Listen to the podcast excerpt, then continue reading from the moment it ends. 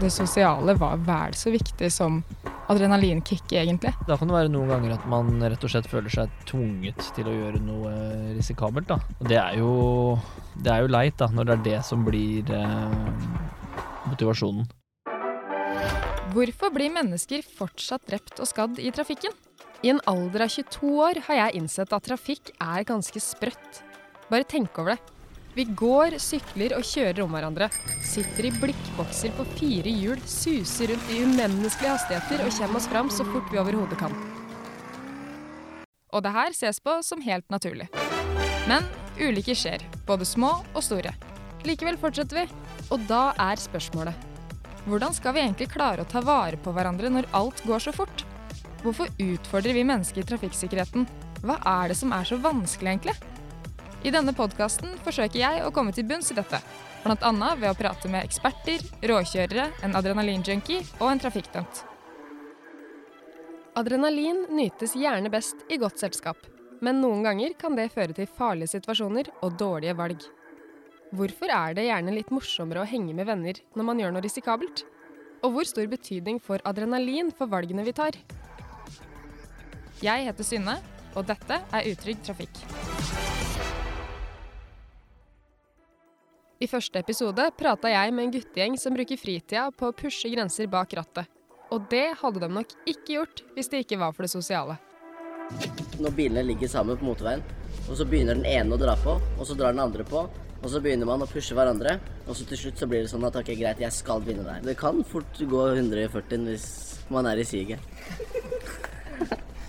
Når, når, er det man er i siget? Nei, det er når gutta er samla, da.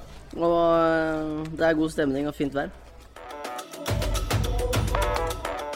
I forrige episode prata jeg med seniorforsker Dagfinn Moe og psykolog Simen Fjelstad Holm om hva som faktisk skjer inne i adrenalinjunkienes hjerner.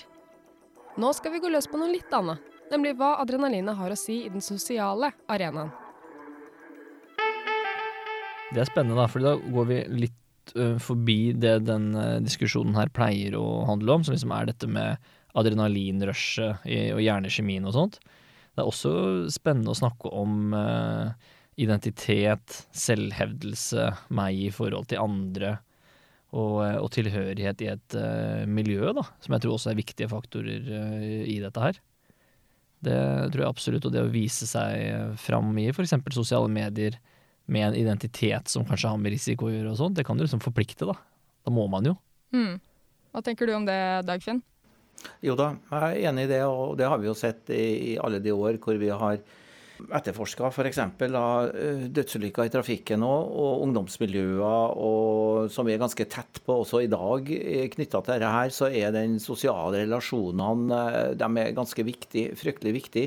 Og det er gjort mange artige studier på også dette her, f.eks. Med, med FMRI, hvor du, hvor du lar, lar da testpersonen få gjøre et eller annet, eh, gjerne vurdere en film eller et eller annet, og så, og så skal man da gjøre en vurdering om det er farlig eller ikke. Og så henter du inn noen personer som personen kjenner, som blir stående og se på at du er i, i denne testen, og da blir det bestandig enda verre. Så, så akkurat i relasjonene der altså, er jeg veldig sterk. Veldig sterk og tydelig i mange sammenhenger. Man drar og er sammen og utfordrer seg selv, roser hverandre. Det der liksom miljøet, som de kaller det, da, som er liksom skateboardmiljøet, eller Ja, det er jo veldig bra, da, fordi alle er velkomne. Han du hører her, er Jon Sebastian Myhre. I forrige episode prata vi om hans stadige jakt på adrenalinrushet. I dag er han 29 år og driver med skating, snowboarding og terrengsykling. Interessa for fart og spenning kan spores tilbake til barndommen, hvor han så opp til gutta som dreiv med farlige ting. I'm Johnny Knoxville, and I'm going to grind this rail. Three, two, one, blast off!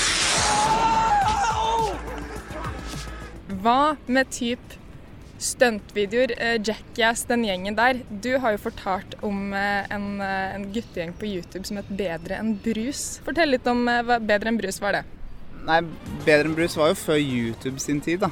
Så dette er veldig lenge siden. Det var jo 90-starten 2000-tallet hvor det var en Og da var det jo en gjeng fra Stavern da, som begynte å lage sine egne videoer. Hei, vi er Behrum Brus, vi er fra Stavern. Vi er inspirert av TV-serien Jackass. What you're about to see is extremely dangerous. Kids, I beg you, never try this at home. Og da var jeg veldig liten, men jeg husker at de gutta var jo De var jo guder, liksom. De var, de, de var så kule da, siden de turte å gjøre de tinga. Okay, three, two, one. Du husker jo Jackass-filmene når de kom ut. Det var jo alle gutters favorittfilm. Det er en god periode. Når man er liten, så ser man jo alltid opp til de som er eldre. Og da, da blir det bare naturlig da, at uh, man har lyst til å gjøre sånn som de. Og det tok ikke lang tid før Jon Sebastian fant veien inn i et adrenalinprega miljø. Det var jo tøffe ting, da. Eh, så det var det folk hadde å gjøre der, på en måte. Så jeg, jeg tror det har med oppveksten å gjøre, at man ser hva andre gjør, og ser hva de store gutta på skolen driver med. Og da, da bare faller det naturlig at det er sånn det skal bli. Det er jo egentlig det nesten alt jeg gjør handler om på en måte. Jeg har jo alltid vært en sånn type som liker fart og spenning da, siden jeg var ganske liten. Seks år kanskje. Det var da jeg begynte å skate i hvert fall. Gikk det fort allerede da? Var det vondt å slå seg, eller syntes du bare det var gøy? Jeg gjorde det jo, Da så gjorde jeg det egentlig mest fordi de store gutta gjorde det. Eh, men så skjønte jeg jo fort hvorfor de gjorde det. Og da ble det jo over til det at det er dritgøy å skate fort. Det er gøy å gjøre vanskelige triks. Utfordre seg selv. Men jeg tror som veldig mange andre at når man starter med noe sånt, så er det fordi de ser noen andre gjøre det, og da tenker de oi, det så kult ut, liksom. Men egentlig uten helt å vite hva det innebærer, da. For det innebærer jo veldig mye vondt og veldig mye Ja. Du må være litt tålmodig da, for å klare å liksom komme på et nivå som gjør at det ser kult ut i det hele tatt. Ja. Problemet med dem som rå råkjører f.eks., eller utsetter seg sjøl og andre for skikkelig høy risiko, burde de liksom vært mer redde? Eller er det det at de ikke tenker over konsekvensene? Jeg sliter litt med å skille mellom det. Det her med å vite at noe er farlig, kontra å være redd for det. Hva det er som gjør at man unngår slike situasjoner.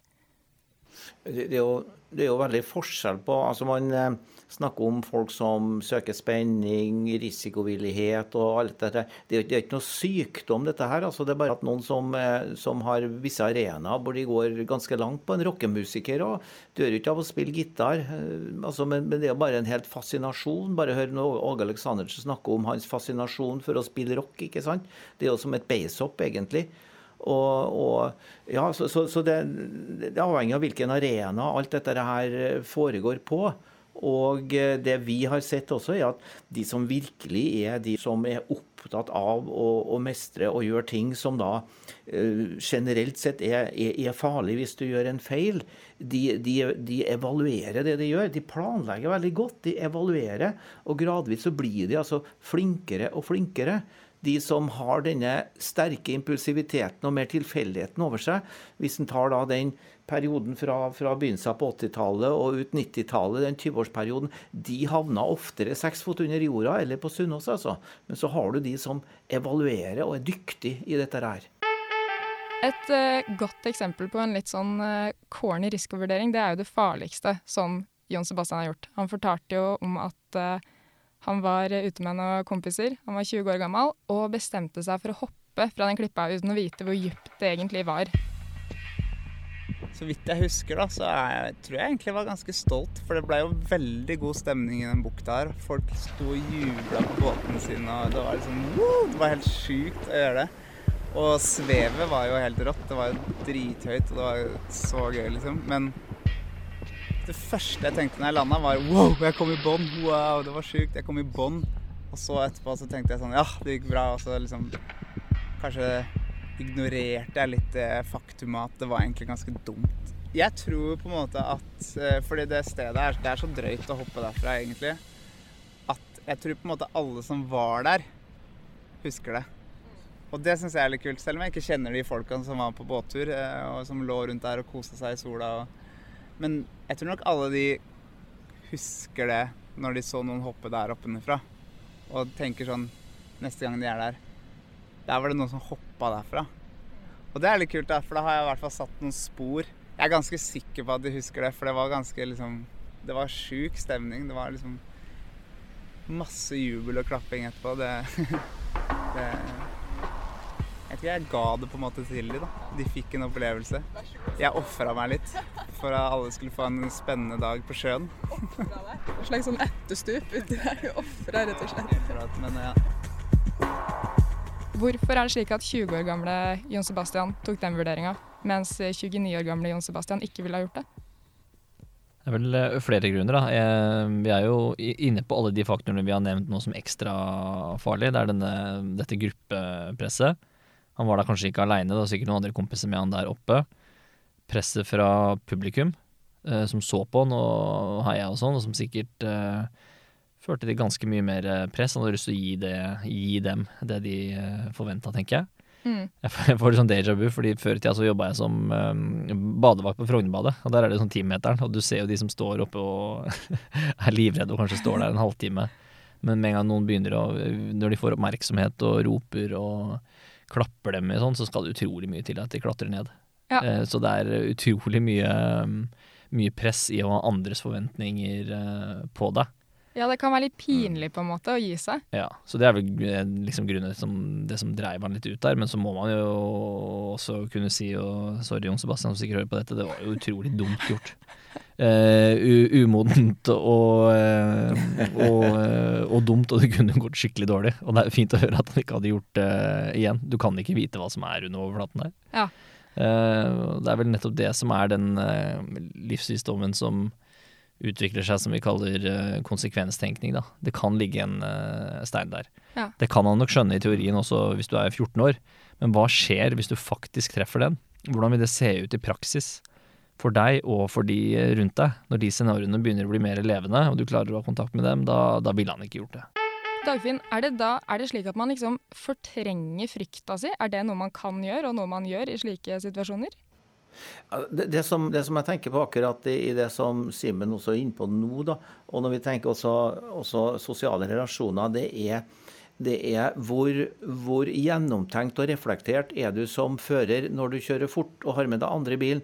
For det er veldig mange som er fryktelig impulsive. Og impulsiviteten det er en fryktelig skummel affære.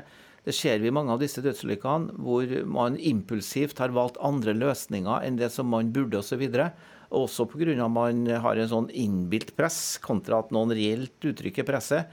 Så, så det, er, det er altså mange sånne faktorer som da vil, vil føre til at bremsemekanismene, som da normalt sett skal tre inn og si til deg at dette her, dette her er ikke bra, de, de, de fungerer rett og slett ikke. Så det er ikke at frykten nødvendigvis forsvinner, det er bare at, at den, den får ikke den effekten den burde ha. For det er andre ting som kamuflerer en øyeblikket. det. Det å sette i gang fornuften, på en måte, det får ikke frykten til. Akkurat, ja. Ja. Den, den, du, du har mista noe, og det, og det vil jo være knytta til det vi snakka om i sted òg. Det er jo en variant av en form for brain fog ikke sant? Som, som hindrer deg i å prosessere da, det som skal være balansen mellom gjerne kalle fornuften da, og konsekvenstenkinga, og hva er det du holder på å gjøre akkurat nå. Ja, Så impulsiv, eh, risikofylt atferd, det er større sannsynlighet for at man holder på med det i sosialt lag? Ja, altså, du, du kan si at altså, Impulsivitet kan jo være artig i mange sammenhenger, ikke sant? men det er ikke, det er ikke bra. Altså, og det er ikke artig når, når man velger Jeg husker vi, vi, vi så på en del hangglidere, og, og, og de som drev med hangglidere, de sa også det at eh, når de, når de drar ut og, og starter flyginga, så har de en plan. Og den største trusselen det er når de hopper i lag, og så ser de noen andre som velger en litt annen måte å fly på. Og så får de liksom Ja, det er ikke du, det der kanskje skal jeg òg prøve. Men det er det dummeste de gjør. De må holde seg til sin egen plan. For hvis du begynner å improvisere og, og, og tar noe på impuls, så, så da øker risikoen ganske dramatisk. Hadde jeg vært der i dag, så hadde jeg først og fremst målt dybden. Jeg hadde gått eh, ned svømt rundt og stikket dit jeg skal lande, og liksom dykka ned og sjekka nøye om det er dypt nok. Og i tillegg så hadde jeg kanskje gått lenger ned og hoppa fra et annet sted. For jeg vet at det var mulig å hoppe lavere òg. Istedenfor å bare starte rett opp på toppen. Eh, og da hadde jeg jo fått en slags sånn kalkulert eh, ja, inntrykk av hvordan det ville være å hoppe fra toppen. da. Mens da så gikk jeg jo bare helt opp på toppen uten å sjekke noe som helst. Det er jo sykt dumt. Ja, det er sjukt dumt, altså. Jeg har prata med avdelingsoverlege ved Sunnaas sykehus, Thomas Glott. Han har nemlig noen råd når det kommer til å unngå skader når man driver med adrenalinrelaterte ting. Kunnskap omkring eh, hva som er årsak til skader og hvordan de kan forebygges, er, er eh, veldig viktig. Eh, Min oppfordring er jo til folk egentlig i alle sammenhenger å være oppmerksomme, bruke tid på det man gjør, sikre seg mot uheldig. Altså gjøre en type risikovurdering for den aktiviteten man er i gang med. Enten det er ski, eh, kjøring på motorvei, motorsykkeltur, klatring eller hva du driver med, så må du ha et kontinuerlig forhold til hva du holder på med og hvilken risiko det involverer. Og hvis du er i tvil om du gjør noe farlig, så bruker du de sekundene som er nødvendige for å finne ut om det er riktig. Så du stuper ikke bare ut i vannet før du har sjekket at det er dypt nok. Du bruker de sekundene for å sikre deg at det er OK, før du faktisk hopper. Ja. Og veldig mye av dette her er beslutninger som er tatt fort, og som blir tatt øh, jeg holdt på å si av helt normale årsaker, nemlig at man er i en aktivitet og man bruker ikke de sekundene man trenger. og Det er så fort gjort å glemme. og Det vil jeg oppfordre alle til. å tenke grundig over. Er det lurt å kjøre forbi her? Har jeg sikret bolten min godt i, i fjellet? Har jeg Er det trygt å kjøre inn i denne svingen med motorsykkel? Jeg vet ikke hva som er eh, rundt neste sving. Eller eh, er det lurt å sykle i full fart nedover en eh, grusvei som man ikke kjenner? Ja. Det er mange slike situasjoner som, som er helt naturlig menneskelige glipper. Det er viktig å si. Det er ikke uttrykk for skjødesløshet, tankesløshet eller at man er på noen måte uforsvarlig. Det er rett og slett bare at vi glipper av og til. Og jo mindre sånne glipper vi kan klare å få til, jo færre ulykker vil vi få. Jeg tenker jo at det er en, ofte en personlig avgjørelse primært om man er villig til å påta seg denne risikoen i forhold til gleden man har av å drive en idrett. Og da er det jo slik at Hvis man opplever veldig stor glede av å drive en idrett, eh, og er kjent med risikoen og velger å ta den, så syns jeg det må være akseptabelt. Hvorvidt man forbyr slike ting, er jo egentlig en politisk og ikke en medisinsk avgjørelse. Men eh, jeg tenker at for den enkelte idrettsutøver så er det jo i hvert fall viktig at man er klar over hva slags risiko man tar. Og at man eh, opplever gleden og nytten av å drive idretten så stor at man velger å fortsette. Bruk huet. Mm. Eh, bruk de sekundene du trenger for å tenke deg om at det du gjør er eh, greit. At du er trygg på det du skal gjøre. Hvis du bruker den tiden, så vil du kunne forebygge veldig mange ulykker. Som sagt, Enten det er eh, forbikjøring, klatring, eh, sykling ned en bakke eller hva slags aktivitet du står foran. Tenker du ikke på, Hvis du tenker tilbake på forskjellige liksom, farlige, spicy greier du har drevet med Du tenker ikke på sånn uff, det kunne gått dårlig. Eller ja, enda godt at det gikk fint. Er det liksom et aspekt som du har i minnet når du tenker tilbake på ting du har gjort? Det har hendt at jeg liksom har drømt om ting som jeg har gjort, som har gått bra. Men så har drømmen min I drømmen min så har det gått dårlig. Så jeg, har, jeg har på en måte vært så redd når jeg gjorde det, at når jeg drømmer om det senere, så, så går det dårlig. Og da har det allerede gått bra i virkeligheten. Så det sier litt om hvor, hvor, hvor engstelig man blir da, når man skal gjøre noe som er ekstremt skummelt. Men det er veldig sjelden at jeg setter meg i de situasjonene nå. Det, er, eh, det var litt mer før når jeg var yngre. Nå er jeg snart 30 år, og det er liksom ikke så viktig å være så redd lenger. Det er liksom Jeg, har funnet en balanse, da. Det er, det, er, det er ikke noe vits å pushe det for langt uh, når man har mer ansvar og sånn i livet ellers, så. Kan ikke du utdype litt mer om det der? Sånn livet for 18 år gamle Jon Sebastian kontra, som du sier sjøl, nesten 30 år gamle Jon Sebastian? Ja, Det er jo stor forskjell. da. Nå har jeg Jeg vet ikke hvordan jeg skal forklare det, men i mitt tilfelle da, så er det jo fordi at jeg har, har hund. Og jeg har to hunder også, eh, med kjæresten min. Og hvis jeg nå på en måte skader meg på en sånn her litt sånn ja, egoistisk eh, stunt i skogen eller på skateboard, så går jo det utover begge hundene mine og kjæresten min. Eh, fordi da må jeg gå ut med gips f.eks., mens hun da må ta alt ansvaret for de og gå tur. og det er liksom sånn, Og det har ikke jeg hjerte til lenger. da. Jeg, eh, nå, hvis jeg hadde vært liksom helt aleine nå, så hadde jeg sikkert vært litt mer crazy. Eh, hvis jeg ikke hadde hatt eh, hund eller kjæreste eller ansvar, da. Men med alder så kommer jo ofte ansvar.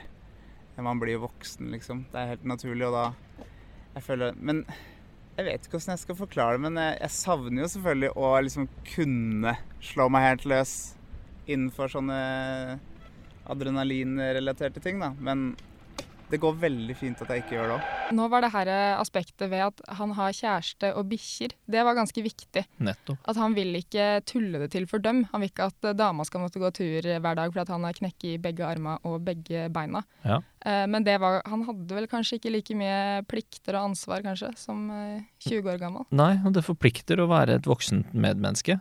Å Og ha nære relasjoner med noen og ha ansvar for noen. Mm. Det forplikter, og da må du jo ta konsekvensen av det. Men jeg har et spørsmål til deg, Dagfinn, og nå kommer jeg til å høre skikkelig fæl ut. Nå, nå exposer jeg meg sjøl. Fordi vi prater jo om det her at det var dumt, det Jon Sebastian gjorde. Eh, og jeg jo skjønner at det var dumt, og jeg syns jo at det var dumt, men allikevel, jeg kan ikke noe for det. Jeg, syns liksom at det er skikkelig fett, liksom, at han gjorde det, og jeg skjønner at det er eh, dust, men jeg, jeg klarer ikke annet enn at jeg tenker kult, ass. Eller hvis jeg ser noen gjøre det, hvis jeg ser noen gjøre noe gærent noe på fylla, at jeg tenker fett. Hvorfor Mm. er jeg sånn, eh, og, og åssen kan jeg skjerpe meg, Dagfinn? Hjelp meg med det. Ja, altså det, det Hvordan jeg skal hjelpe deg, det kan kanskje være litt vanskelig da. Men, eh, men, nei, men, men hovedpoenget, og det gjelder jo også Jon Sebastian, ikke sant. For at eh, som 29-åring så vil han ikke gjøre det, ikke sant. Og, og det kan være selvfølgelig for at han lærte av det første òg, men, men når han skulle hoppe første gangen, så vet jo han òg, som Siven var inne på, at, eh, at altså, du kan si sånn rent kognitivt, syntetisk, så skjønner man jo at dette her innebærer en viss risiko. Det er bare at denne affekten, som er denne lysten til å gjøre det, det er den som teller mest, faktisk. Og den truen da på at dette her skal, skal man lykkes og, og, og, og, og få til å mestre osv. Og sånn, eh, men du er jo tilskuer nå da, i forhold til det. Og vi, vi syns jo affektivt at ting Det er jo fascinerende når, når man lykkes med dramatiske ting. Det å følge en, en Kjetil Jansrud eller en Kilde eller en Svindal ned Kitzbühel, det er jo bare helt fantastisk å, å følge med på. Ikke sant? Og når du er på billøp, så vil jo folk helst at folk skal kjøre av veien. Ellers er det ikke noe artig. Man vil at de skal velte og rulle rundt osv. Så, videre. så vi leter jo etter sånne, sånne opplevelser, ikke sant? Uten å tenke på at det sitter noen inni der. Ah. Det, er kanskje, det er kanskje enklere å få et lite rush av å se på noen andre gjøre noe sjukt nå, enn å gjøre det sjøl.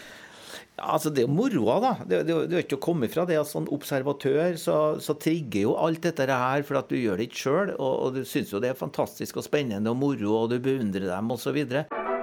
I dag jobber Jon Sebastian som T-banesjåfør i Oslo, og har ansvaret for at flere hundre mennesker kommer trygt fram hver eneste dag. Dette ansvaret innebærer evna til å ta gode vurderinger, noe som også kommer godt med når han skal hoppe opp på skateboardet. Dette er en 1 til. Husk smittevern, vær vennlig og holde minst én meters avstand til andre reisende. Ja, Jeg står opp og er ikke akkurat alltid veldig glad for å dra på jobb. Mye pga. at eh, jeg står opp midt på natta. Hva tenker du om eh, ansvaret du har for passasjerene når du er sjåfør? Jeg tenker eh, at det er et stort ansvar, men at jeg har full kontroll. Så det er aldri noe jeg på en måte er nervøs for at jeg ikke kommer til å klare å takle. Da. Fordi hvis det skjer en brann eller et eller annet, så har jeg på en måte øvd så mye på de tinga jeg skal gjøre at så lenge jeg gjør det, så kommer det til å gå helt fint. Og derfor så tenker jeg også at det ansvaret er liksom et ansvar som jeg klarer å ta, da. Men det kan jo hende noen syns det er litt mye. eh, ansvar. Eh, men for min del så, så, har jeg veldig selvtillit på det ansvaret, da. Det gjelder jo liksom eh, ikke bli stressa, da, hvis det liksom skulle skje et eller annet. Mm. Holde seg i ro. Eh, og ja, er, vi har jo snakka mye om adrenalin tidligere, og det skal litt til for at noe på jobb skal bli så heftig at jeg begynner å skjelve, liksom. Det, da skal det mye til. Et siste lite spørsmål da, som jeg har tenkt på. Jeg prata med Jon Sebastian om de greiene her. Eh, og det med at de tinga som man husker best fra ungdommen, uten tvil, er de eh, episodene der hvor det har vært masse adrenalin involvert. Er, husker man bedre ting der hvor man har vært redd og sånt? Ja, altså det er jo slik at uh, Vi har jo det begrepet plastisitet, nevroplastisitet. og Den er ekstrem i startfasen på livet og for så vidt varer ganske lenge. Uh, og, og, vi vet jo at uh, det å bli redd det å bli redd, Selv om du ikke skjønner alt, men det å kunne bli redd i mange situasjoner, det kan jo feste seg ganske, ganske godt. For mange av de de mekanismene der de er ganske tidlig oppegående. Og det er jo for å berge liv, ikke sant, generelt. Så, så det er ikke noe unormalt i at, at, man husker veldig godt ting fra tidlig fase i livet.